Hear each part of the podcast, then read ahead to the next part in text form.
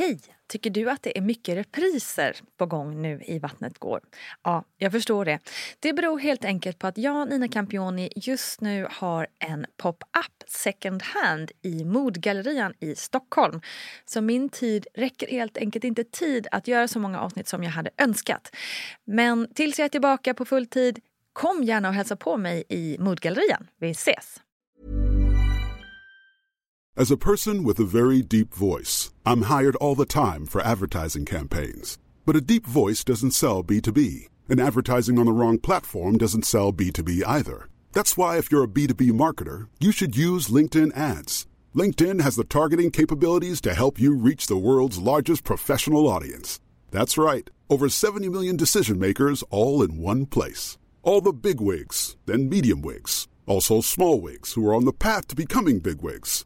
Okay, that's enough about Wix. LinkedIn ads allows you to focus on getting your B2B message to the right people. So, does that mean you should use ads on LinkedIn instead of hiring me, the man with the deepest voice in the world?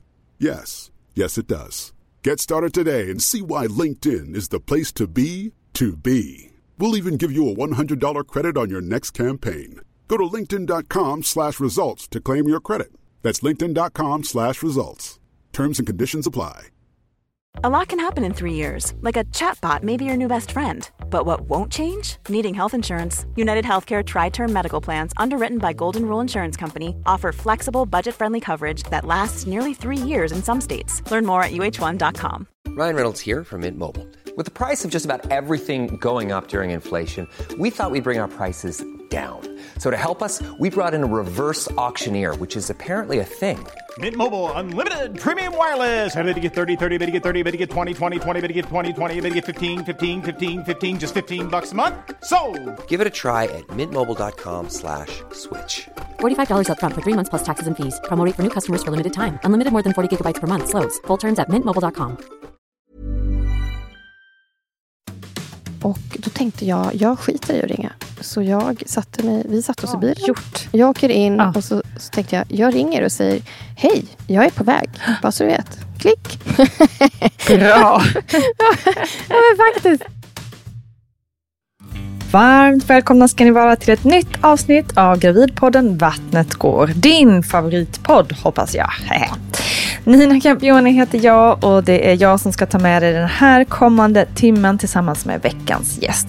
Och på tal om gäster, glöm inte att ni faktiskt kan önska sådana. Det är ju så himla kul att få göra era önskningar hörda. Men eh, spoiler alert, kronprinsessan har vänligt men bestämt tackat nej på de flertal förfrågningar som jag har skickat till kungahuset. Så let's move on tycker jag. Okej, veckans gäst är om inte kronprinsessa så åtminstone poddens alldeles egna okrönta superexpert Paulina Gunnardo. Paulina känner ni ju till för hon är ju med mig varje vecka i Barnet Går och ger alla otroliga råd och tankar kring föräldralivet och barns utveckling. Paulina är beteendevetare, föreläsare och forskare på barns utveckling och dessutom en stark förespråkare för barns rättigheter. Otrolig är hon och hon är här äntligen som gäst själv istället för att agera expert. Så välkommen Paulina Gunnardo.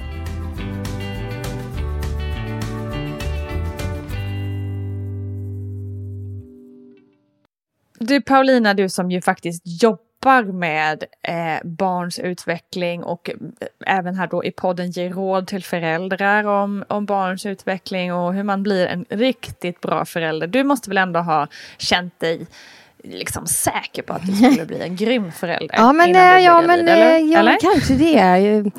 Jo, men att jag skulle fixa det. Vet du, ka- ganska kaxigt var ju, jag jobbade inom barnomsorgen innan. Ja. Eh, och då så har vi haft liksom barngrupper alla möjliga storlekar. Men Ja. eh, bland annat var jag i en då förhållandevis liten barngrupp på typ så här 13 ungar eller någonting. Eh, och jag var själv, ibland det är ju galet, eh, med många av de här. Shit. Och tänkte att, eh, ja men du vet att, kan jag sitta vid ett matbord med en massa små kottar omkring mig som Ja. jag måste skära och mata och det spills och du vet man ska prata och de ska vara trygga och Mm. bla bla bla.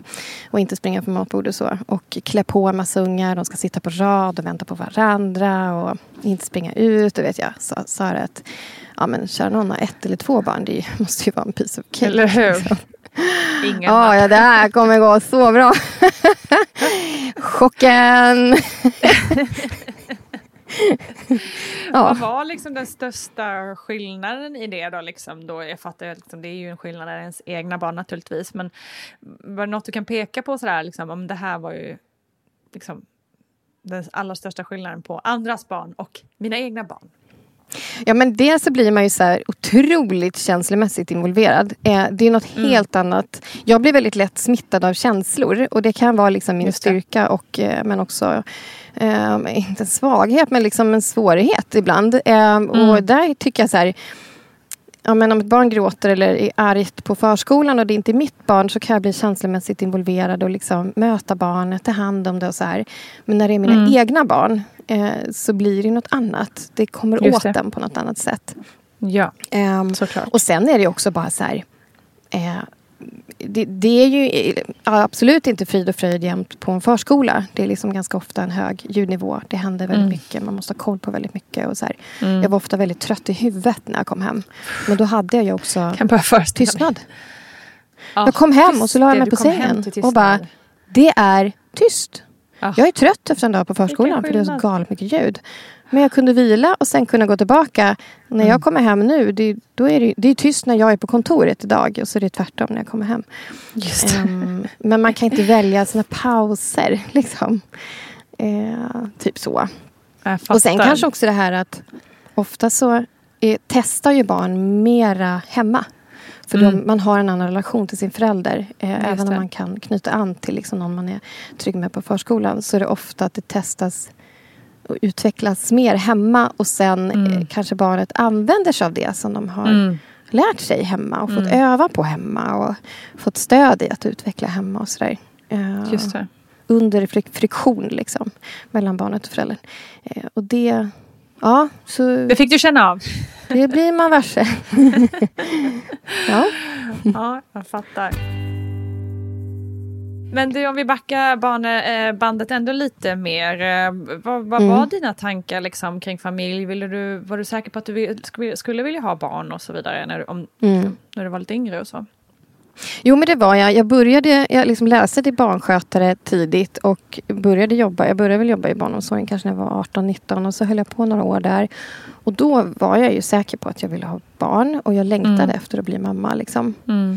Ehm, men sen dröjde det ändå ett gäng år.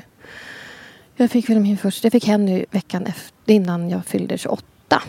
Ehm, Mm. Så jag prickade väl in någon slags medelålder eller vad det heter på första gångs... Jag prickade ju in verkligen. Då, då var ju 28 snittet i Sverige på förstagångsföräldrar för kvinnor. Okej. Men där, jag bor ju i Stockholm.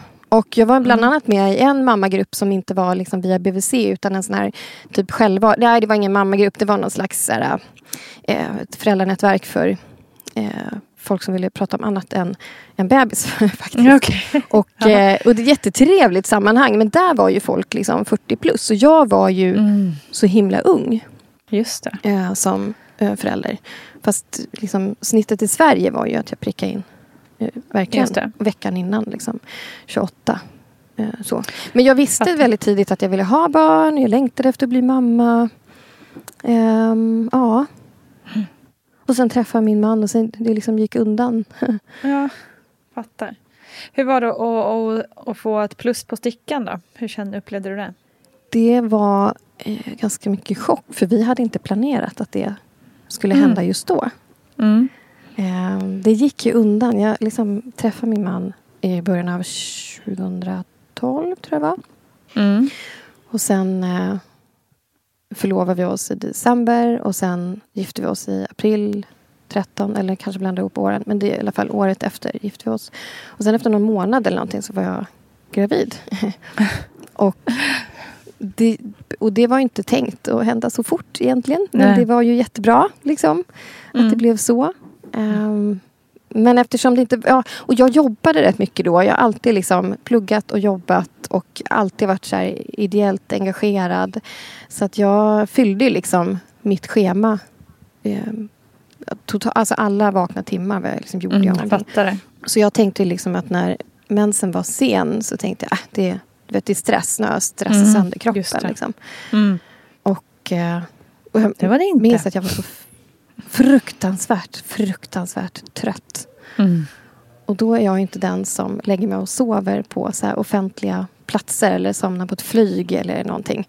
Men då var jag så trött. Jag skulle möta min man inne på, i stan. Han jobbade jag var på Scalateatern eller någonting. hade varit i New York och var, han var ju jetlaggad så han var jättetrött. Och så kommer jag jättetrött. Och jag minns hur jag liksom går där inne och bara behöver hitta typ närmsta bänk och bara, jag vill bara sova. Jag vill bara lägga mig någonstans i offentligheten och somna. Jag var så jävla trött.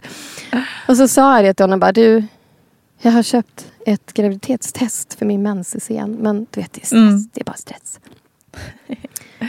Och går hem och, och tar det där liksom, testet. Och han Mm. tror inte heller att det är något. Liksom. Men jag kommer in till honom och jag blir så himla förvånad. Så att jag står ju bara i sovrummet och typ gapar med den där stickan i handen.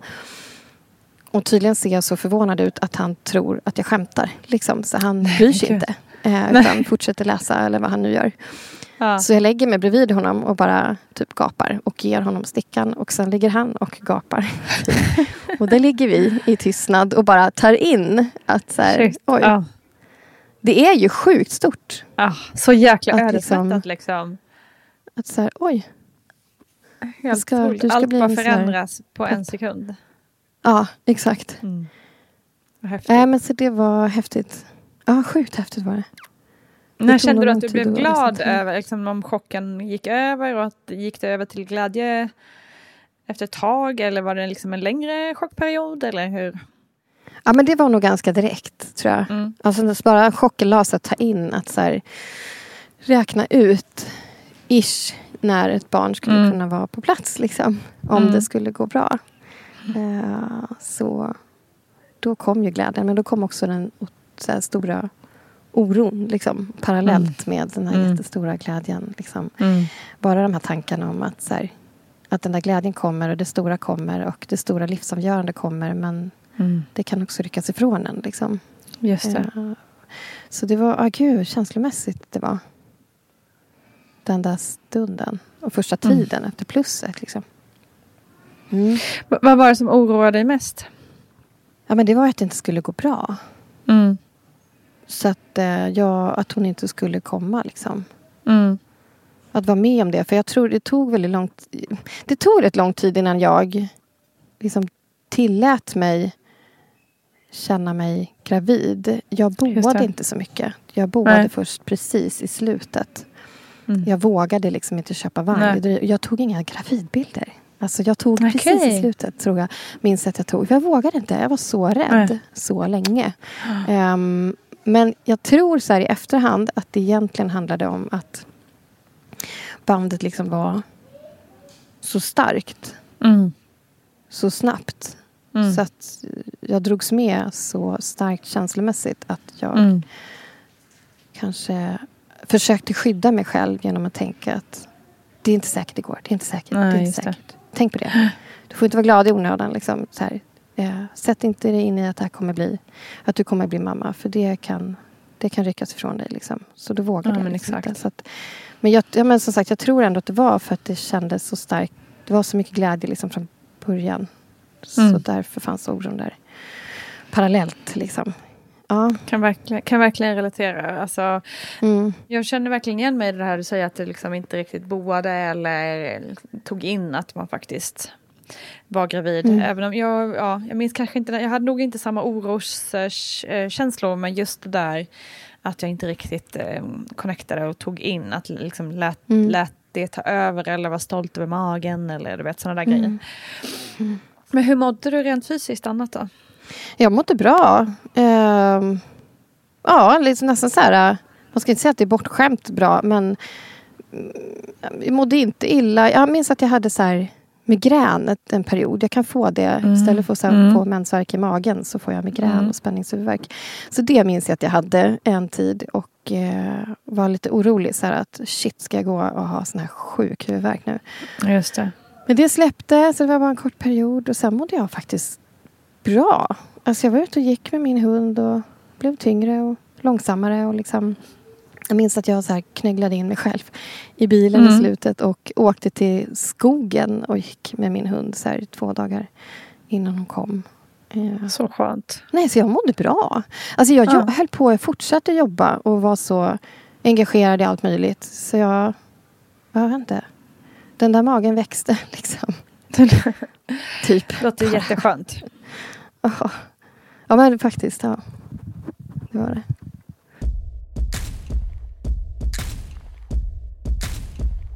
Hur såg du på förlossningen? då? jätterädd.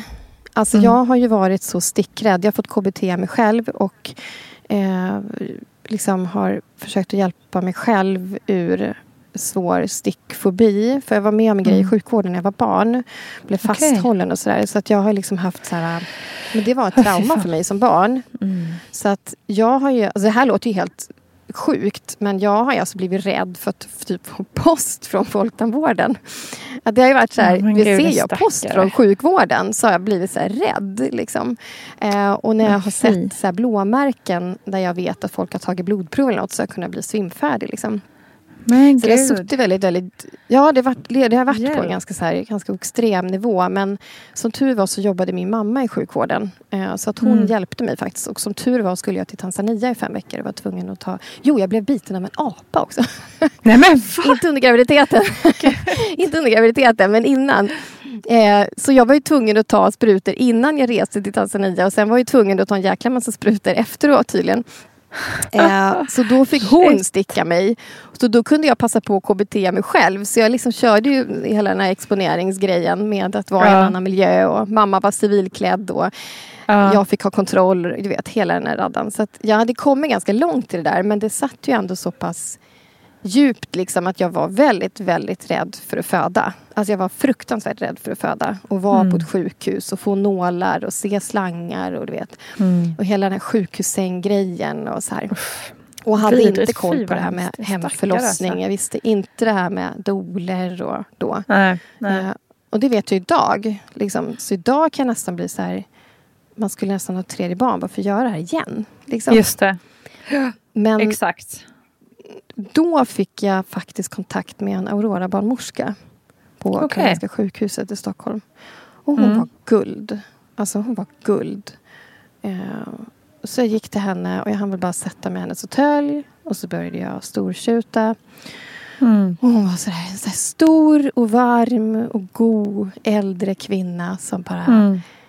Eh, ja, hon ställde rätt frågor och lugnade och tryggade. Och jag sa liksom, apropå det här med att föda, vad jag kände inför det. Och så, så sa jag bara att så här, ja, jag ska bara gå igenom den där skiten. Så, så här, Mm. Och det var ju att föda.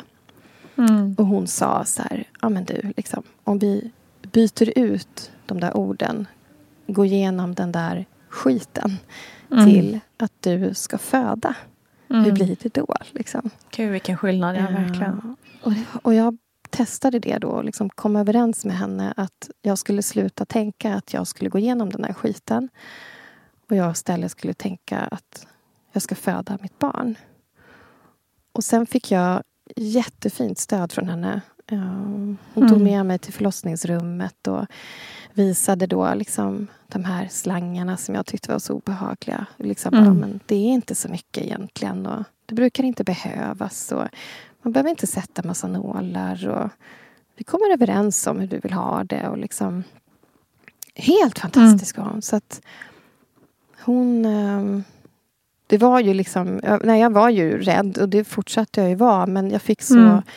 Jag fick träffa så liksom bra människor. Så att Fan vad fint. jag kände mig liksom omhändertagen Mm. nästan hela vägen. Det var en person, både med första och andra barnet, som inte var så bra.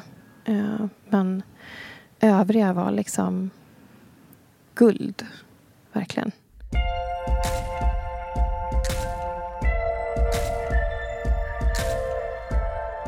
Så när det väl liksom började hända något, eh, Mm. vad var dina tankar då? Var det liksom helvete nu är, nu är det den här skiten? eller, var det, eller hade du kunnat liksom tänka mer att nu, nu ska jag få träffa min dotter? Liksom? Åh, båda två. Eh, Det Mm. var verkligen både och. Ehm, vi, jag tänkte ju att ja, men första barnet det kommer ju efter BF. Så jag var inställd på att Det här kommer ta tid. Det är ingen fara, det är ingen brådska. Mm. Och hon kom ju lite innan BF. Jag, sånt här minns inte jag. Jag, jag har faktiskt glömt liksom, vilken himla dag innan eller efter BF de Ja. födda. Men jag vet att henne kom innan i alla fall. Och Mm. att det var, jag blev så förvånad för jag var verkligen inställd på att jag kommer få vänta. Och vi hade gäster över på middag.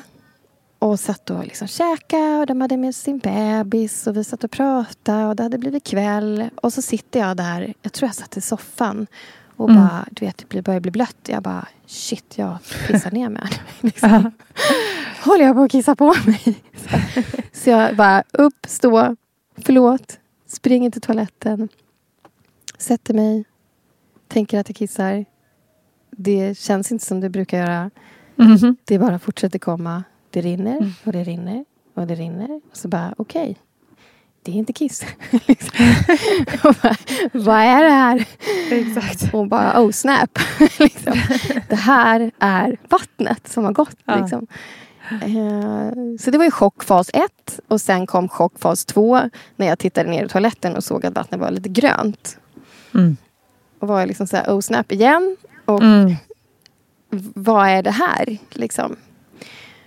Och jag minns inte så här exakt nu, men liksom jag gick väl ut och sa att det, liksom, det rinner här och det vattnet har gått och det är grönt, Mm. ringer och de säger att ja, men, då är det bra att komma in och kolla bebisen. Liksom.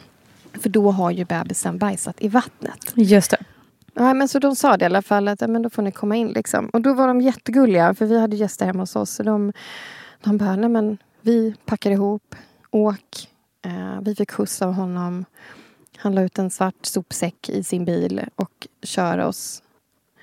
Och jag är ju såklart jätterädd och jätteförväntansfull samtidigt. Mm. Och han var så Mm. gullig och bara tryggade mig och bara, det här kommer bli jättebra. Och så körde han Mm. oss. Och så får vi komma in på den här avdelningen man är på innan, antenatalen eller vad det är. Jag vet inte vad det heter, men det är en sån här avdelning innan. Så där Mm. hade de liksom lite koll. Mm. Eh, Så det var väl liksom så det var när det så här snurrade igång. För sen började jag faktiskt få verka ganska snabbt. Liksom. Eh, Det hann bli natt och min man somnade. eh, Och jag låg vaken såklart. Mm. gick ju inte att sova. Liksom. Och eh, började få värkar. Och vi hade ju övat så här, men profylax innan, både han och jag. Okej. Mm. Ehm, tagen sån här, på den tiden, man har väl inte CD-skivor längre, men det här var ju nio år sedan. Så på sån här skiva Ja. hemma. Så jag började liksom andas där inne. Och det, ja, men det snurrade igång ganska Mm. snabbt. Så, nej, det var väldigt blandade känslor alltså, eh, faktiskt. Hur kändes verkarna där då, liksom på natten? Var det lite så lugna, sm- smygande igång eller var det hur? Ja, men det smög nog igång. Alltså, då tyckte jag ändå så här, när, när, det var ju en på, där, på den avdelningen som jag inte klickade med. Och Okej. jag minns att det var någon sån där som, som jag kände mig lite förminskad när jag sa att jag hade börjat få verkar och att jag hade fått andas mig igenom dem. Mm. Eh, För med facit i hand och jag vet hur det blev sen med verkarna eh, innan jag fick den här eh, edan. Så ja, men då var det ju, oj vad lugnt och smygande de kom såklart. Men där och då, när man aldrig haft verkar innan, så kände jag ändå så här att jag behöver andas mig igenom de här. Liksom, jag Mm. behöver så här, ja, men bara så här, vad är det som händer? Hur Mm. det är så här det känns. Eh, lyssna på kroppen. Andas, slappna av. Det var väldigt häftigt. Så här, nu, Ja. nu, när jag tänker på det efteråt. Det är mäktigt alltså. Visst är det Vad mäktigt? kroppen gör. Det är jäkligt Ja. mäktigt. Verkligen. Det, det, ja, men det är ju helt sjukt. Det är ju någonting som man fortfarande inte... Jag har gjort den här podden i sju år. Mm. kan fortfarande ändå inte riktigt förstå att det funkar, att, att, att det sker och hur kroppen fixar, fixar den här enorma påfrestningen, påfrestning, Ja. påfrestningen som det ju är. Alltså det är helt sinnessjukt. Ja, det är, helt, ja, det är verkligen. Det går alltså, liksom inte att förstå. nej. Nej, det, är som, det är vissa som säger så här, det är som en urkraft. Eller det är liksom... Mm. Ja, det är så coolt att kroppen Mm.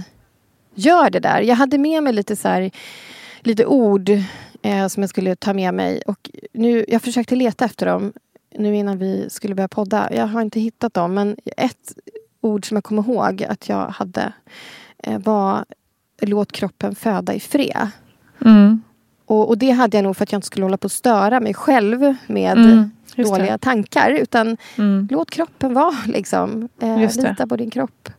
Eh, så att, och det var coolt. Sen så var det den där människan jag inte klickade med och då var det också väldigt tydligt att efter en stund när hon kom in eh, och hon hade inte läst mitt förloss- förlossningsbrev heller och det märktes Mm. väldigt tydligt i hennes bemötande. Då stannade faktiskt liksom verkarna av lite grann när jag hade henne. Eh, Helt sjukt att Men det är så alla- ändå. Alltså det blir så tydligt. mm. Ja, det var tydligt. Det är också henne. rätt häftigt ju. Ja, men precis. Ja, att kroppen liksom så här, nej men här är inte läge att föda. Mm. Nu, Nej. nu chillar vi en stund. Liksom. Nu stannar vi av här. Eh, faktiskt. För ja, det blev, det blev verkligen så. Det var så himla tydligt. För att Mm. plötsligt riktade sig liksom mitt fokus från min kropp och att slappna av till att jag inte kände mig trygg med henne. Att jag vände Nej, blicken precis. till henne snarare. Så här, har hon läst mitt förlossningsbrev? Ser Ja. hon verkligen mig? För det var liksom en sån, jag hade väldigt kort förlossningsbrev. Det var ju så här, jag vill bli sedd och jag vill bli bekräftad och de måste bekräfta att de har läst. Och jag vill göra det här i samråd med dem. Typ, Mm. typ så var det. Och hon, eh, det, jag kände mig inte sedd av henne. Och det Nej. märktes. Men de andra var guld. Det hann ändå bli några. Ja, det han, blir, han blir några. Ja, han blir nog fem byten tror jag. Något sånt, Ja. innan vi var färdiga. ja. Där. Jag känner igen det. Lät, lät som min andra förlossning. Mhm. Ja. men eh, men vad, okej, vad spännande. Jätteintressant det här med hur, hur, hur det kan liksom blockeras och, och så. Eh, av omgivningen. Och det är ju någonting som Gudrun, eller som vi pratat väldigt mycket om, det här liksom med trygga rummet. Att få, Mm. att få vara i sitt trygga rum för att kunna färdas så, så lugnt och bra som möjligt. Mycket intressant att liksom få höra det svart på vitt lite kan man ju säga då. Mm. Mm.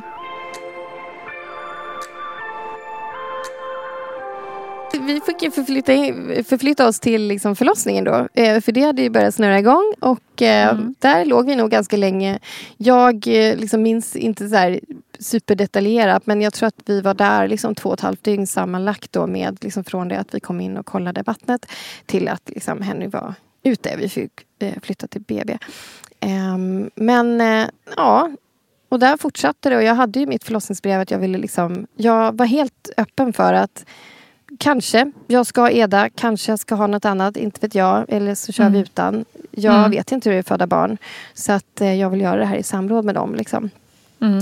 Men verkarna blev ju liksom starkare och starkare. Och, eh, och jag tyckte ändå att jag klarade mig väldigt långt på, på profylax, eh, alltså den här andningen. Mm. Den, för jag fick så lustgas minns jag. Att jag de, de bad mig testa det.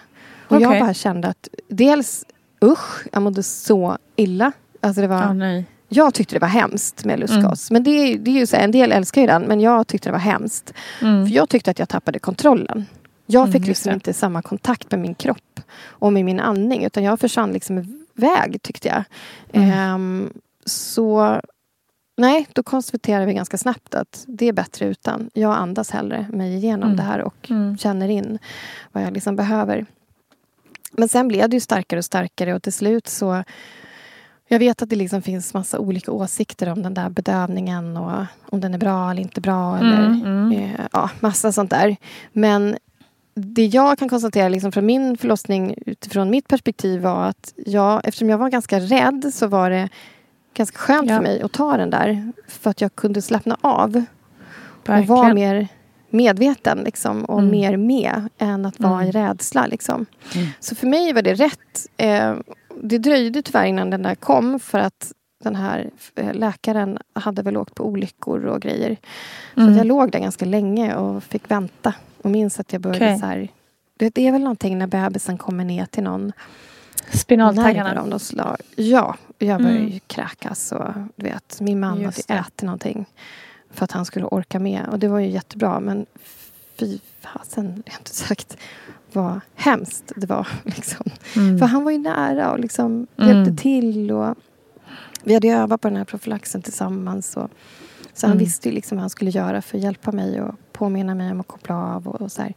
Ehm, men då var det ganska vidrigt ett tag liksom, när jag kräktes och väntade Usch, det på den där. Ja, Men, eh, men det gick. Och sen kom den där läkaren sen kom med den där edan. Eh, Just det. Och hur kändes det, det då med var- att du visste att det skulle liksom in en spruta i ryggen Ja. med tanke på, på dina rädslor? Hemskt. Mm. Hemskt. Men då var det bara så här, antingen ska jag inte... Alltså du vet, jag, jag stod ju där och valde. Liksom, ska jag in en spruta i ryggen eller ska jag Mm. bli? Och jag landade ändå i att så här, jag vill ha den där. Mm. Eh, och jag, min man sa det liksom efteråt, hur han såg på hela mig. Att från att jag var superrädd eh, till att jag typ, på, som att trycka på en knapp, bestämde mig för att så här, fokus. Liksom. Så jag låg och var jätterädd, grät. Det var bara jättejobbigt att vara i den situationen. Liksom. Till Mm. att så här, let's do this, typ. Eh, och ändrade tydligen totalt, som att trycka på en knapp till liksom, fokus. Nu gör vi det här. Mm. Mm. Och så gjordes det. Och det gick bra.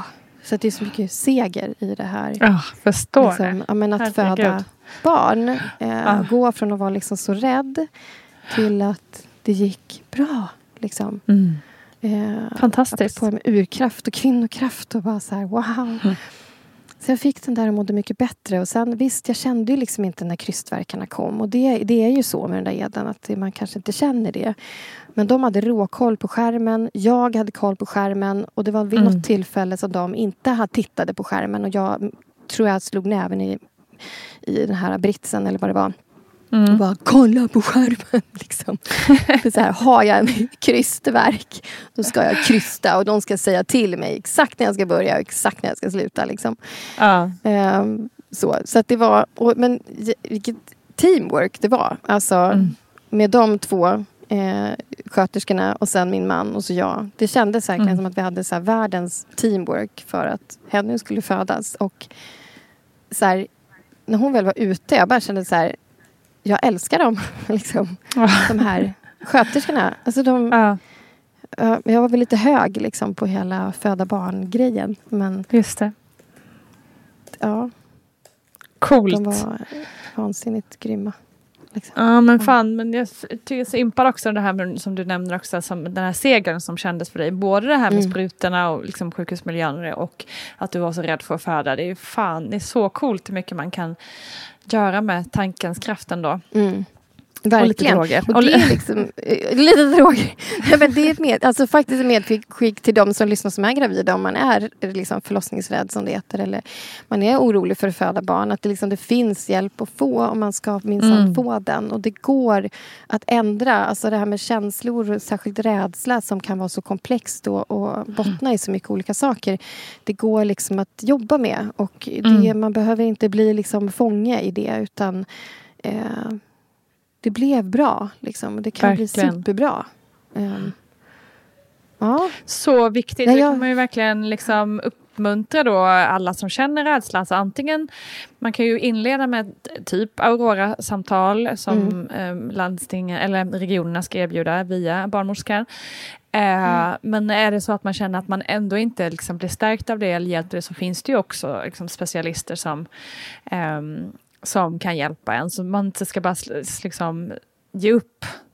Ehm, på- vid första försöket om man säger. För ibland kan det verkligen vara att man träffar någon som, ja men det funkar inte personligt eller liksom, eller man når inte fram till varandra eller vad det kan vara. Men äh, mm, så man ska slippa vara rädd.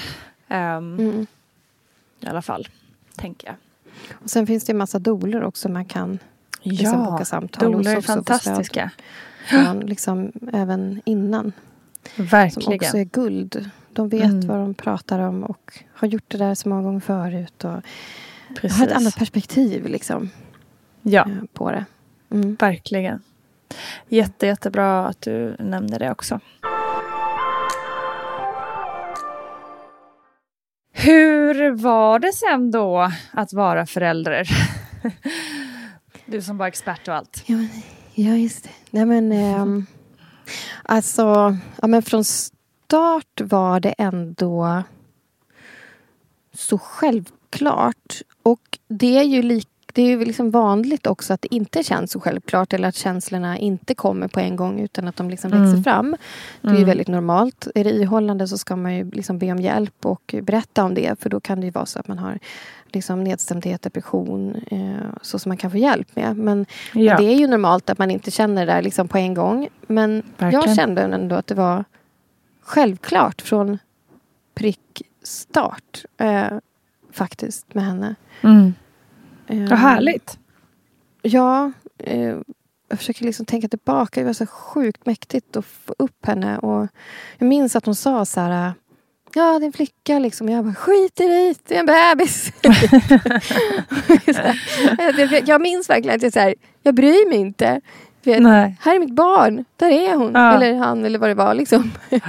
där är barnet. Eh, det var så coolt. Liksom. Mm. Man har känt den där bebisen som har sparkat och man har känt de där fötterna och den där rumpan i magen som vänder på sig. Och, och så plötsligt Mm. är hon där. Eh, ja, det var jättehäftigt. Men sen såklart så fick jag ju lite så här... eh, Mitt i det där liksom fina och självklara och stora och mäktiga så fick jag ju också en liksom, bli förälderchock. Eh, Just det. hon sov ju väldigt kass. Väldigt, Mm. väldigt kass. Eh, Okej. jag har ju liksom många så här förstagångsföräldrar som berättar om hur deras bebisar sover och tycker att de sover dåligt. Och då, då Mm. beskriver ju de mina, mina bra år liksom, med sömnen. Mm. Så det Mm. var, det var väldigt påfrestande med sån Mm. Brutal sömnbrist. Eh, och hon hade också lite så kolikigt. Jag tror inte hon var riktigt uppe i den koliknivån. Okej. Men, men eh, så det, det kom ju som en chock, Mm. minns jag. Mm. Och inte i att jag inte visste att det där kunde hända. Men däremot det nya för mig var ju hur jag reagerade på det. Ja, Det precis. hade jag aldrig varit i förut. Nej, exakt. Det var precis samma för mig och oss. Alltså man, det var ju någonting Mm. man aldrig upplevt någonsin och man har ju ingen aning om hur man reagerar på Nej. sömnbrist. Och Nej. grov sömnbrist. Eh, där man aldrig Nej. någon gång får en i, liksom, ihållande sömn. Nej, exakt. Uh, Man kan bli väckt när som helst. Mm. Och Hemskt. hela liksom grejen med att det är totalt fokus på en bebis också. Mm. Från Mm. att liksom vara, som jag Mm. var, helt uppe i jobb och ideella Mm. engagemang och plugg och Mm. totalt uppe i mig själv och det jag höll på med. Liksom, till att Mm. här, släppa allt sånt och så ska jag vara föräldraledig och jättemycket fokus på en bebis som dessutom inte sover utan måste sova på Nej. mig. Och eh, liksom, Det var så mycket som bara handlade om sömn. Liksom. Just det. Så att den tiden var faktiskt ganska tuff. Mm. Eh, Ja, den var, den var inte så rolig faktiskt. Eh, Det är, hem, det är på ett sätt hemskt att säga. Alltså, det var ju fantastiskt med henne. Eh, Och fantastiskt att få bli mamma och fantastiskt att se henne. Och, och, så, Mm. och så parallellt med det så var det här eh, liksom lite krisiga och lite chocken. Typ. Mm. Som Fanns det kom något sånt där råd som du kunde ta till dig? Liksom, man hör ju ofta det här liksom, sov när bebis sover och du vet sådana saker. Mm. Eh, fanns det någonting som du kunde göra som gjorde att du ändå fick någon form av återhämtning? Ja men alltså Återhämtning var nog hunden. Eh, Det var ju på ett Mm. sätt att jag har hund har ju också gjort att jag inte alltid kunnat sova när bebis sover för jag var ofta ute och gick med vagnen. För hon Just sov det. som bäst i vagnen Mm. och när vagnen Mm. guppade. Och då gjorde Mm. jag vad jag kunde för att hon skulle sova gott. Eh, Mm. Och så var jag ute och gick med våran hund. Ehm, så. Men sen när min man kom hem så var det ju ofta sådär ta, ta bebis och nu går jag ut och går själv med min hund. Mm. Mm. Men annars så var det nog också så här att hitta personer att prata med. Mm. För det jag också märkte egentligen liksom första året med barn var... Och nu kommer jag liksom inte berätta allt om henne heller för att jag vill liksom inte... Ja, men för hennes skull och integritet Nej, vill jag inte precis. berätta allt om henne. Helt men det var andra saker som också var ganska så tuffa liksom, eh, första året med henne. Och Mm. I min reaktion över att jag inte visste hur jag skulle reagera på alla de där sakerna. Och det var långt ifrån alla som fattade. Det kändes som Mm. att jag bara gnällde. Liksom. Och det jag behövde det. var, det var att få ventilera. Och det hade Mm. varit nice om någon hade förstått. Ehm, Ja. Och det var väldigt få som förstod. Och det kändes som att jag bara gnällde. Mm. Men jag hade, min syster förstod verkligen. Liksom, mamma, syster och så hittade jag en vän som, som fattade. Som liksom lyssnade och så här, ja, jag fick ventilera.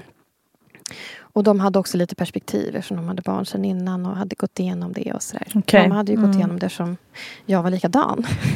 Ja, ja, Och hon var likadan. Så att då förstår Det är också jävligt skönt Det går i att prata med någon ja. som här, kopian. Mm. Eh, been there, done that. Eh, det var väldigt skönt. Så det är så här, hitta personer som förstår. Ja, men det är ju jättebra. Men jag tänker att det också är så roligt för att annars är det så vanligt som mina föräldrar till exempel. Verkligen så här, nej jag kan inte minnas att du, du sov väl? Man bara, liksom allting man frågar sig, nej jag kan inte minnas att det någonsin var ett problem. Så man bara, okej, så er generation hade aldrig några problem med eh, någonting egentligen. Jo men min mamma hade ett problem. ja, men det är kul att hon minns det liksom. Det känns som att många inte Ja, lägligt nog glömmer bort sådana där saker.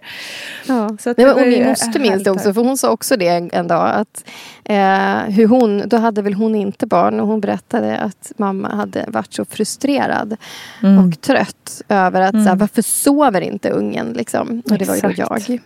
Eh, så att, eh, Ungjävel! nej, men det, det kan Ja. vara väldigt frustrerande. Har man, har man inte haft sån grov sömnbrist så vet man Ja. inte, kan man inte säga hur det är. För det, är, det tar över varenda cell i kroppen. Typ. Ja, Eh, gör nej, men verkligen så det det. är väl så här, Hitta de andningshål du har, liksom, den återhämtning du kan få. Prata med folk som förstår, märker att folk inte Mm. fattar. Prata inte med dem då. Liksom. Eh, Men hitta någonstans där du kan ventilera om det liksom är något som är tufft. Och låt det ta tid. För det är Mm. också det som när man är mitt uppe i den här bubblan och mitt uppe i någonting som är nytt. Att det kanske är lätt att tro att jag kommer sitta i den här soffan för alltid. Eh, eller med bebisen på mig för alltid. Eh, och så är det ju inte. Och eh, att när man är i en... För det är också så här, i alla fall så för mig, att det var liksom som en så här personlig utveckling bootcamp. Eh, där, som har varit väldigt värdefull. Att liksom bara det här att här, få, få ha ett fokus på en annan människa. Och Mm. på en människa man älskar över allt på denna jord. Eh, har ju... Det är något väldigt stort som händer med en. Eh, så jag tänker liksom att även om det kan bli lite sådär krisigt som det blev för mig så kan det också liksom leda till någonting väldigt positivt så här, på sikt. Så Verkligen. att också låta det ta tid så man inte tänker att man kommer vara kvar i det för alltid utan saker förändras. Nej, det är väldigt lätt att man, man gör det. mognar. Mm. Bebisen mognar, man får kanske en annan syn på saker. Det tar tid att hitta sin roll. Det är tufft att inte sova. Mm. Liksom. Mm. Det är bara så. Eh, och, Mm. ja. Så att också ge sig själv tid att ja, få hitta sig själv i det nya, tror jag. Också. Mm. Mm. Verkligen. Mycket bra.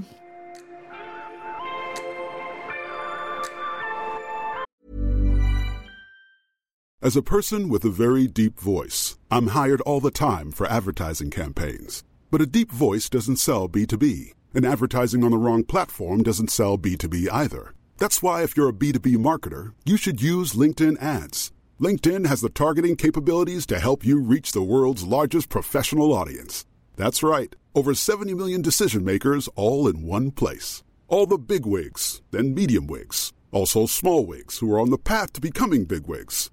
Okay, that's enough about wigs. LinkedIn ads allows you to focus on getting your B2B message to the right people. So, does that mean you should use ads on LinkedIn instead of hiring me, the man with the deepest voice in the world? Yes. Yes, it does. Get started today and see why LinkedIn is the place to be to be. We'll even give you a $100 credit on your next campaign. Go to linkedin.com slash results to claim your credit. That's linkedin.com slash results. Terms and conditions apply. Normally, being a little extra can be a bit much, but when it comes to healthcare, it pays to be extra.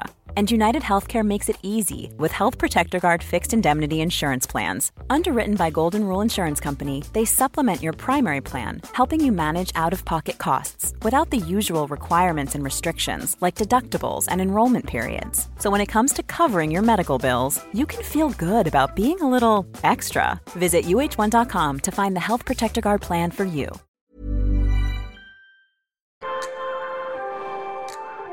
När började ni snacka lite om syskon då? Ganska sent. Eh, Kanske... Nej, men vad, hans tycker jag inte det var sent. Henny var fyra när hennes lilla syster Ottilia kom. Och då tyckte jag att hon var stor för det var så många som fick tätt. Eh, och jag Just tyckte att det. jag gick och väntade så himla länge. Men nu tycker jag ju en fyraåring är ju inte stor. Liksom.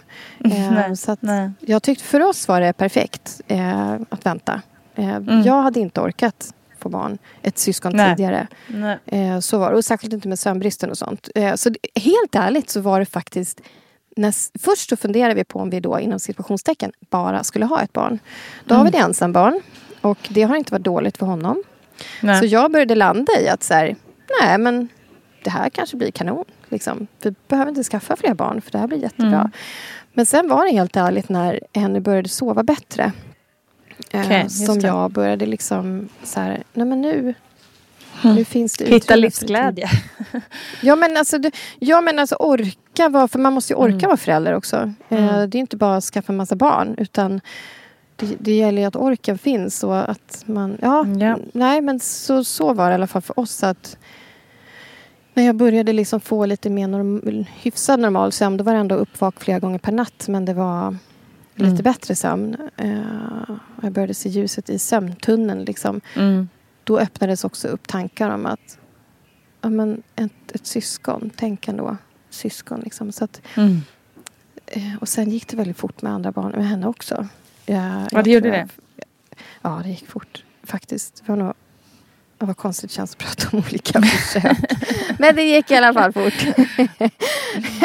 Så. Du behöver inte Och, gå in på eh, detaljer. Jag förstår. nej, nej, men det gick fort. Och eh, ja, så att... eh, Men ja, precis. Och det, men det var också en väldigt speciell tid. För jag minns att vi pratade om det. För att eh, båda våra föräldrar var sjuka i cancer. Just Och var under den här tiden eh, döende. Vi började förstå att det här går inte. Eh, det finns åtta hopp med många cancervarianter. Och det finns många nya mediciner att testa. Och, eh, Man ska liksom aldrig ge upp hoppet så. Eh, men jag minns att jag och David satt vid köksbordet i en lägenhet i Bromma. Det var kväll och Henny sov.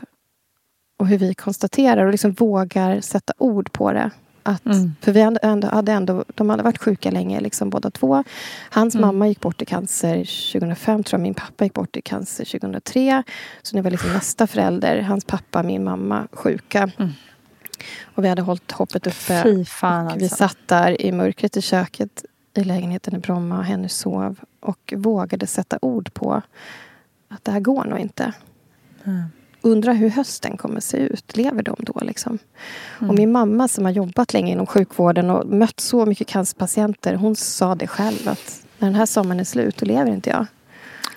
Hon fattade det. Hon visste precis vart hon var på väg. Liksom.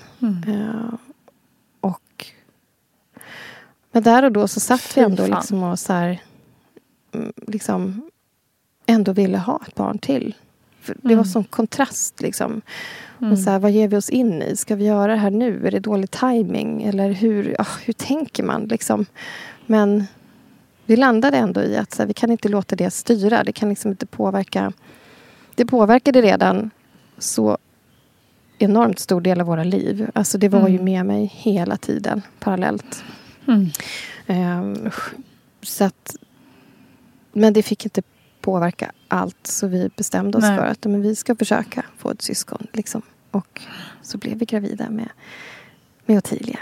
Ehm, Så magen växte. Och vi åkte mellan sjukhus och hem. Och eh, till slut åkte vi till hospice på olika platser i Sverige. Och med magen som växte. Och förstod att det var deras sista tid. Och här kom en ny människa. Liksom. Och de Mm. klappade på magen. Och, och sådär. Ja. Men ja, det var en väldigt, väldigt speciell tid och ett väldigt speciellt beslut. Liksom. Mm. Vad tungt alltså. Att, kunde du känna någon... Alltså, kunde du tillåta dig själv att känna glädje eh, under den här perioden? Jo, men det gjorde jag.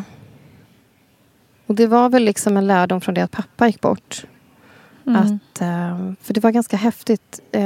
Jag, jag är troende, så det händer att jag läser Bibeln Mm. ibland. Och då när han Mm. var hade gått bort så hade jag läst något bibelord. Nu kan jag inte citera det, men det var någonting med typ att det finns eh, glada dagar och det finns dagar av sorg. Alltså glada, dagar av sorg, Mm. dagar av glädje och dagar av bla bla bla. Liksom.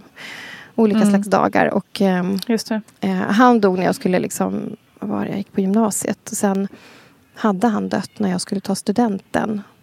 Och då Mm. känner jag att jag orkar inte gå in i aulan. Eh, för att det är för jobbigt. Men så kände jag ändå så här, jag fick bara så stark känsla av att så här, Paulina, gå in. Gå in, lita, Mm. liksom, typ lita på mig. Jag tänker ändå att det, var så här, det kändes som att det var Gud som talade. Liksom, och bara, sätt dig där, liksom, det går bra. Eh, och jag satte mig där och det första som rektorn säger är eh, så här, jag ska läsa några rader ur typ en av världens mest kända böcker. Och så läste hon precis de raderna. Och det var någonting jag tog med Men mig genom den sorgen. Ja, det var väldigt häftigt och väldigt starkt. Och Ja. när jag åkte hem sen från studenten, hem till vårt hem, då åkte vi förbi liksom åken där han är begravd på andra sidan åken då, i en kyrka där. Mm. Och jag minns att jag tittade ut dit och så var jag på väg med min studentmössa på mig och ballonger och du vet och skulle fira. Liksom. Och jag minns Mm. att jag tänkte Mm. så här, det finns sådana dagar och det finns glada dagar och idag är en glad Mm. dag. Eh, och Mm. det var någonting jag tog med mig därifrån att så här, att det får vara där parallellt. Liksom. Ehm, och det var väl också det som ledde oss liksom i att så här, men vi vill ha syskon och vi försöker nu fast vi samtidigt sitter och inser att det här går inte. De kommer att dö. Liksom. Och mycket riktigt när sommaren var slut så, så hade båda gått bort. Liksom. Ehm, så. Men eh, Herregud. nej, så att absolut att jag ändå kunde tillåta mig det. Sen så helt ärligt, så mamma och jag stod varandra så fruktansvärt nära. Vi var, det är liksom nästan som du vet, navelsträngen är inte klippt fast det är ett annat typ av band. Eh, Ett känslomässigt band som är typ som en navelsträng liksom, som fanns där bara och den slets. Liksom, det känns som, det var så här, hon slets ifrån mig. Det kändes lite som så här, du vet, handen i Titanic när någon bara man släpper en hand. Du vet, att man sitter där och hon lämnar en. Liksom. Ehm, och vet fan. att hon är på väg liksom, eh, att lämna. Ehm, Det präglade väldigt, väldigt mycket av min tid, måste jag säga. Även om jag kunde vara glad. Jag tror att de flesta runt omkring mig har sett mig som en glad person. Så att livet kunde snurra på. Men det var alltid, Mm. alltid sorg parallellt. Det var Mm. Jättejobbig tid. Liksom. Mm. Jag har någon bild från att jag sitter med henne i en park. I Gungparken utanför oss. På liksom gården där i, utanför lägenheten i Bromma. Och jag har liksom tagit med några pannkakor eller någonting. Jag brukade göra såna utflykter så bara i kvarteret. Liksom. Så vi satt där i den Mm. lilla parken och åt. Och jag minns att så här, jag var så ledsen där. Jag var så fruktansvärt ledsen. Och så var Mm. det så mysigt. Du vet, med min lilla flicka liksom. Som var glad Ja, och käkade pannkakor och smoothie. Och det är så märkligt hur det kan vara Ah. sådana kontraster vara bredvid varann. ja.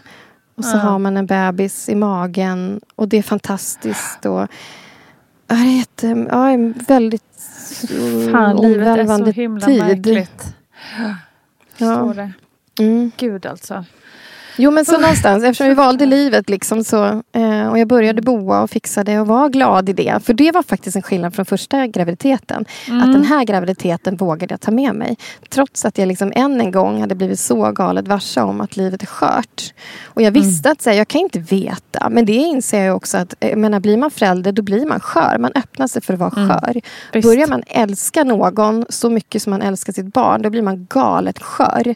Och det är ingen garanti att det går bra eller liksom att man får ha sitt barn resten av livet heller. Det är också ett faktum liksom, som man står inför som förälder. Så att mitt i det så vågade jag ändå liksom känna mig gravid och tänka att nu kommer ett barn till. Och liksom, vi ställer in oss på att det blir så. Att vi ställer in oss på att det kommer gå bra. Så att Mm. eh, jag boade för fullt och liksom njöt av att boa och tvätta kläder och åka till affärer och titta på barnvagn. Och tog massor av härligt. gravidbilder. Ja. Eh, jättemycket gravidbilder har jag med henne. Eh, Gud vad, Ja. vad fint ändå. ja,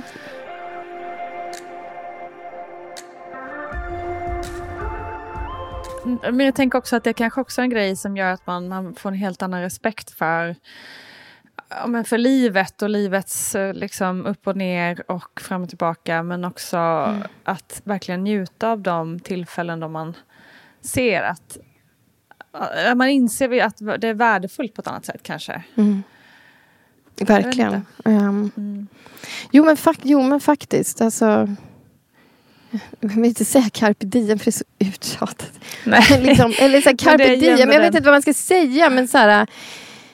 Eh, ja. Nej, Ja, man får en faktiskt- ödmjukhet faktiskt tror jag. Man får en... Ja men faktiskt. Mm. Det är Eh, okej. Det är okej. Det är så uttjatat Mm. och lite så här, ja, blivit lite töntigstämplat men, men eh, man blir Men det betyder- ödmjuk. precis. Ja. Och eh, jag tror också, jag hade, jag, alltså det är klart det har varit många dagar som har varit väldigt, väldigt mörka. Och jag, Mm. eh, en av dagarna då satt jag liksom återigen i det där köket i Bromma. Jag tittade ut, vi hade en björk utanför minns jag. Och jag satt där och bara tyckte livet, helt ärligt, jag tyckte livet var piss. Jag tyckte det var så Mm. jobbigt. Ehm, har även sånt moment här i, där vi bor nu. Jag tittade ut liksom i mörkret och var det vinter och så här, också något så här träd liksom, och någon lampa som lyste i grenverket och det snöade väldigt vackert. Och, så här.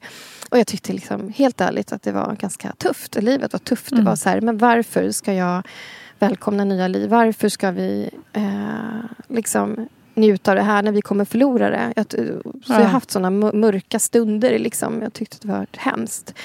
Och sorgen har varit väldigt, så här, väldigt nära. Liksom. Ehm, men där jag någonstans har liksom fått bli påmind om att ja, men faktiskt se det där fina. Att inte låta liksom, typ det där mörka segra. Liksom, utan Just det. nej, min sann. Typ. Mm. Titta på den där björken som var så vacker. I, det låter ju väldigt ernstigt här nu, men det var så. Björken i solskenet och allt det fina. Nej, så här, jag ska inte låta det där jobbiga liksom få ta över. För det är liksom att låta det segra på något sätt.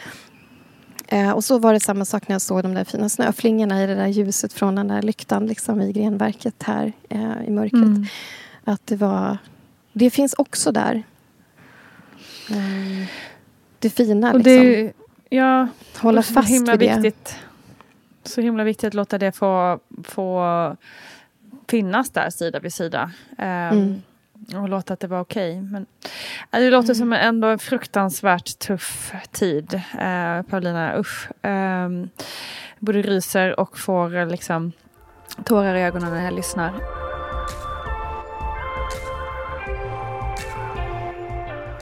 Men sen, eh, sen går tiden och eh, det, det tuffa, liksom, det fortsätter ju vara tufft naturligtvis. Sorgen finns där. Men magen växer och vi boar Mm. och jag köper barnvagn. Eller vi köper barnvagn. Men, Mm. eh, och jag njuter av det där och jag fotar min mage och jag klappar på min mage och vi ser liksom fram emot att, att den här lilla systern, för vi tog inte reda på liksom, könet när Henny var i magen men med Ottilia så gjorde vi det. Då ville vi ni veta. gjorde det? lite kul bara. Okej. Ja, Mm. Så då visste vi så ja men det kommer lilla syster. Ehm, och jag fortsatte gå till Aurora barnmorska även den här gången. Liksom. Mm. Men, ehm, men också med tanke på liksom, att mamma hade gått bort och sådär. Det har varit så mycket på sjukhus och på KS liksom, så att det var ganska Mm. jobbigt. Men, men jag kom till henne igen, den här Auroran. Och hon Samma var person. lika fantastisk. Alltså den människan. Hon är, jag älskar henne. Ehm, men, och den här gången var jag också väldigt mycket tryggare i liksom, det här med att föda barn. Måste jag ändå Mm. säga. Att, Mm. och, och stod på mig mera. För att jag hade fått okej faktiskt från Aurora barnmorskan att du kanske inte kan komma in och bli inlagd när du vill. För att det liksom, vi har inte många rum som helst och det finns inte Nej. personal hur mycket som helst. Men jag kan, jag kan skriva att du så här, eftersom jag var liksom så pass orolig och det är inte så bra liksom, när man ska föda barn att vara det.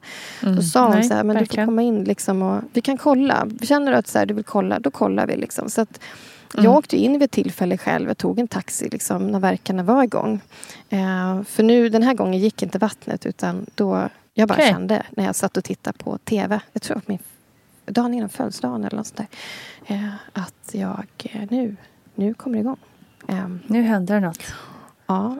Så jag, eh, och på min födelsedag så minns jag att jag tog emot tulpaner. Sen så lutade jag mig mot köksbordet och tog en verk. Och då var det ändå så här, eh, jag, jag kan det här nu. Jag har gjort det här förut. och det. Ja, kändes väldigt så här, tryggt. Att så här, jag vet vad jag ska Mm. göra och här är en verk. Och Mm. jag la mig och vila. Och, men jag, jag åkte faktiskt in med en taxi och kollade läget. För att jag kände att jag ändå ville ha lite koll.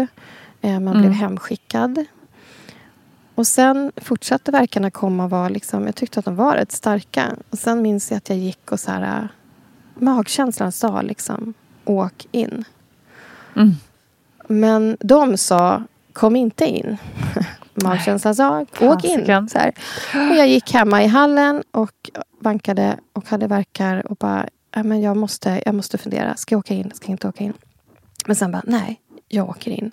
Och de hade ju sagt nej i telefon och då hade jag pratat Mm. med person två då som inte var så trevlig. Eh, hon fortsatte Mm. vara ganska tråkig att ha att göra med sen också. Mm. Eh, Mm. Och då tänkte jag, jag skiter i att ringa. Så jag satte mig, vi satte oss i Bra bilen. gjort. Jag åker in Ja. och så, så tänkte jag, jag ringer och säger Hej, jag är på väg. Bara så du vet. Klick. Bra.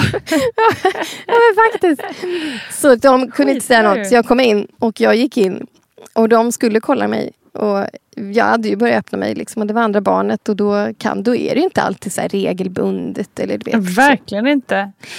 Så det hade jag också med mig att nej minsann, jag har så pass mycket verkar så pass ofta.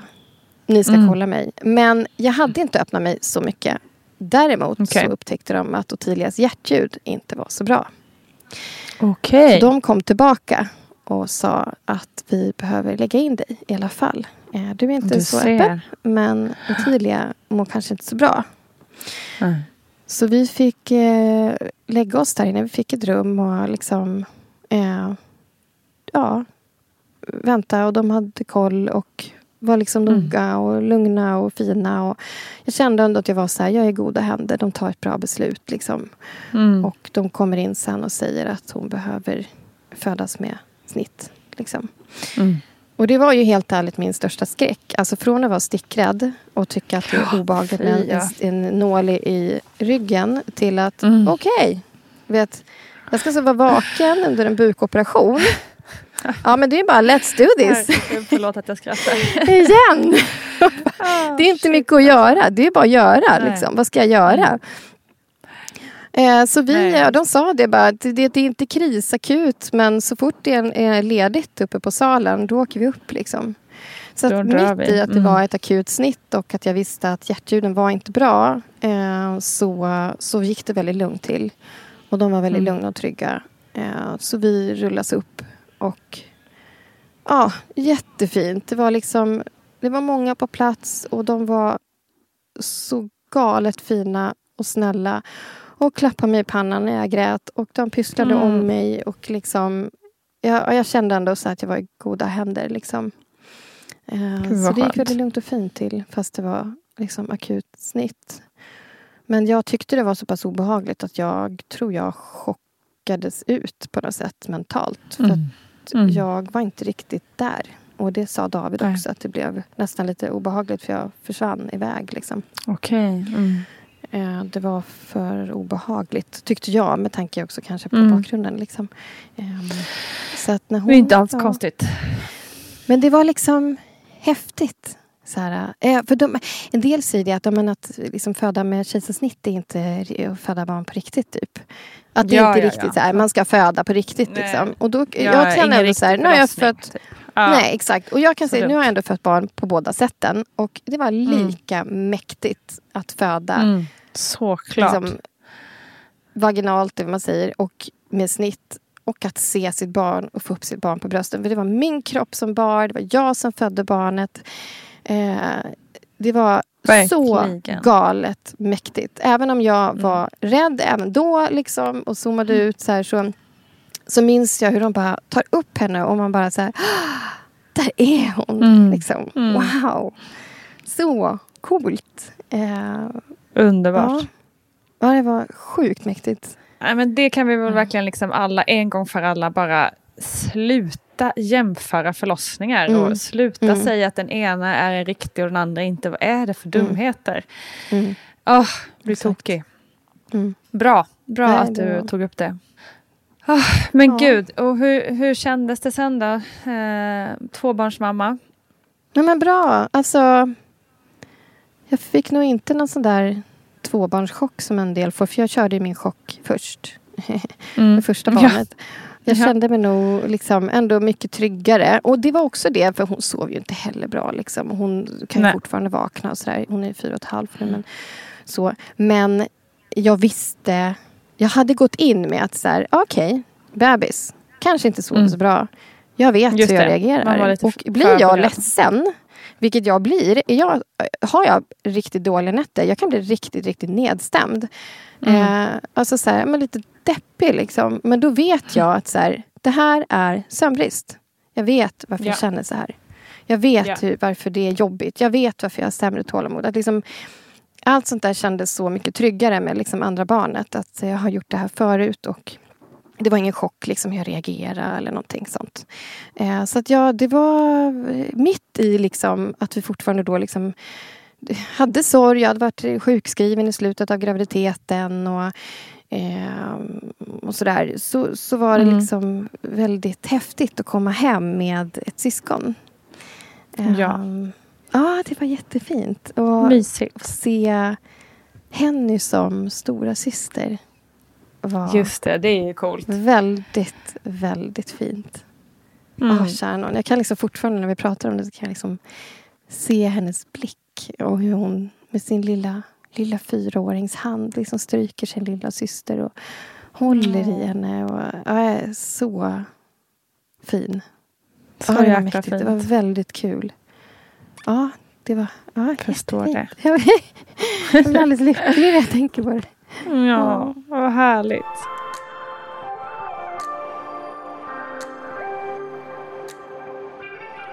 Vad heter det? Vi har ju pratat om det här så många gånger i Barnet går, du och jag. Men om Mm, du mm. skulle vilja liksom så här, någon slags, om du vill komma med någon typ lärdom som du har upptäckt som förälder, ehm, som du vill dela med dig om. Oj, en lärdom som förälder, vad som helst. Ehm, Mm. Vad svårt. Jag undrar om inte det liksom får handla om den egna utvecklingen eftersom det är liksom en egen... Men det som kanske Det är varit väl liksom främst för mig så har det nog handlat om mig själv. För barnen Mm. har ändå känt så här, jag har inte stirrat mig blind på så här, åh, följt appar och nu händer det här och sen är det den fasen och liksom sånt där. Sånt där har jag inte liksom kollat så mycket. Eh, Nej. utan, utan det har snarare varit min egen utveckling faktiskt som, som människa typ eh, och förälder. Eh, och att låta saker ta tid. Eh, Ja. det, är en, det är en utveckling att bli förälder. Alltså det som man säger, när ett barn föds så föds som förälder. Man är ny Mm. som förälder. Och när det Mm. kommer ett andra barn, ja men man har inte varit tvåbarnsförälder förut. Och man har framförallt inte varit förälder till just det barnet förut. Vilket ju gör att ja, nu kommer en ny individ och, och då kan det väcka saker i mig som jag inte har mött förut. Så att jag skulle nog säga att den största lärdomen har varit hur utvecklande det har varit att få bli mamma både första och andra gången och följa deras utveckling och vad som händer med mig parallellt med deras utveckling och hur jag formas utifrån vad de behöver. Liksom. Det är Just inte, det. är inte liksom något du kan läsa i en faktabok eller hitta ett facit längst bak och bläddra liksom fram. Gör så här, säg så här, tänk så här, nu ska du reagera så här. Utan det är något annat. Eh, det, det kommer liksom... Föräldraskapet kommer liksom inifrån och det är en process. Så att, eh, Mm. det blir inget konkret tips men jag tror att det är ett förhållningssätt snarare som man får ha liksom, till sig själv. Med Det är väl allt jättebra. det innebär att vara liksom, förälder. Så, det är väldigt coolt sen när man kan se på saker med facit i hand eller liksom blicka tillbaka. Att man ser hur mycket man faktiskt har utvecklats. Och eh, så. Ja. Just det. Superbra, tycker jag, tankar. Är det något annat du känner att du vill skicka med nu, våra kära lyssnare här, när det gäller kanske det här med graviditet och förlossning och så? Ja, men, eh, jag tog faktiskt den liknelsen när vi eh, arrangerade en dag som heter Birth Inspiration Day. Eh, med Ja. eh, att man liksom packar sin... Eh, man packar som en ryggsäck. Att det är precis som när du ska ut och resa var som helst. Eh, du vet kanske inte exakt vad du ska möta om det är så att du är ute på en längre resa. Du vet kanske inte vad det är för väder eller du kanske ska tälta liksom, i det vilda. Och du måste packa så här, karta och GPS och liksom, en telefon och veta vem du ska ringa om det händer något. Och så här. Och på precis samma sätt så är det liksom med graviditet, med födande, med föräldraskap. Att vi har Det finns liksom inget facit. Det finns hyfsat. Det är lite som en kartbok eller en guide. typ. Att du kan säga, ja, det är många som har fått barn innan oss, liksom, som har gått före. Men det är du som ska göra den resan. Så, och där tänker jag det är lite som att man packar sin ryggsäck med en massa bra folk. och Ja. massa bra saker man ska ha med sig. Så att oavsett hur graviditeten är, hur man mår, eh, hur det är hur eh, födandet blir eller hur man vill att det ska vara och vad man möter som så här, nybliven förälder så använd dig av människor omkring dig, skulle jag säga. Mm. Ehm, s- ja, det finns en massa bra folk eh, och eh, hugga tag Det i om man känner sig orolig. Eller bara människor överlag, om man vill ha liksom, vara med i en mamma eller pappagrupp eller fylla Exakt. liksom, Man kan ju tipsa med- om ma- mammagruppen på Facebook som eh, Vattnet går Ja. Där är det massor Mm. av härliga diskussioner och vi hjälper varandra. Eh, för så kan det också vara ibland att man kanske inte Mm. vet vem man ska prata med. Ehm, så varför inte bara prata med total strangers som ändå finns här exakt. för att liksom stötta. Eh, det finns alltid någon toppenperson som, som har gått igenom samma känslor som du har. Ja men exakt, ja. Och bara prata roliga saker med. Alltså även om det är så här, Exakt. välja barnvagn eller hur man ska tänka med kläder när man får en liten bebis. Eller, Ja, Allt, ja, ja, liksom. precis. Allt. Ja, verkligen. det är kul. Ja, exakt. Jo men det är. Jag tycker det är väldigt roligt. Jag blir lite sugen. Vi ska inte ha fler barn. Men det är väldigt roligt med så här, boa och eh, ju mer jag så här, lär mig från andra, typ bara, ja, men som Mm. Gudrun liksom, eller dolor om Ja. att liksom, så här, vara gravid och föda barn så blir jag så här, ah, Ja. jag vill göra det här igen. Ja, same. Skulle Ja. gärna, skulle gärna köra igen, helt klart. Ja. Det är så sjukt mäktigt. Ja, det är ju det. Otroligt mäktigt. Men du, eh, Paulina, jätteglad att du ville vara med och berätta om dina erfarenheter som har både varit tuffa naturligtvis, men i slutändan gett dig två fantastiska tjejer. Mm. Ehm, och vi hörs ju liksom jättesnart igen. Vi hörs ju Yes. regelbundet, tack och lov. Det gör vi. Så ja. vi säger väl bara på återseende istället för hej då tycker jag. Ja. Bra. Ha det superbra. Tack och tack för att jag fick vara med här. Tack. Tusen tack Paulina Granado. Så roligt att äntligen få ha dig som gäst i podden. Eh, och angående bajs i fostervattnet som vi pratade om så hann jag helt enkelt inte få till en inspelning med kära Gudrun Abascal innan det här avsnittet skulle släppas. Men jag fick svar om att jo visst, precis som vi är inne på så innebär det att om barnet i magen blir stressat av en eller annan anledning så kan avföring komma ut i fostervattnet och är då ett tecken på att något inte är helt hundra där inne. Så tack Gudrun för det och tack kära du som har lyssnat idag. Vad härligt att du var med oss. Glöm inte tipsa en kompis och glöm inte mammagruppen på Facebook. Där ses vi. Kram på er. Hej då!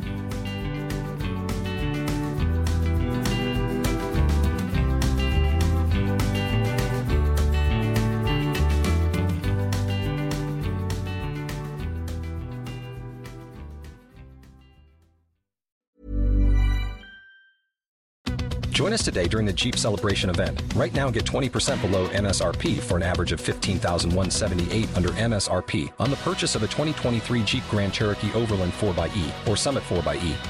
Not compatible with lease offers or with any other consumer incentive offers. 15,178 average based on 20% below average MSRP from all 2023 Grand Cherokee Overland 4xE and Summit 4xE models in dealer stock. Residency restrictions apply. Take retail delivery from dealer stock by 4 1. Jeep is a registered trademark.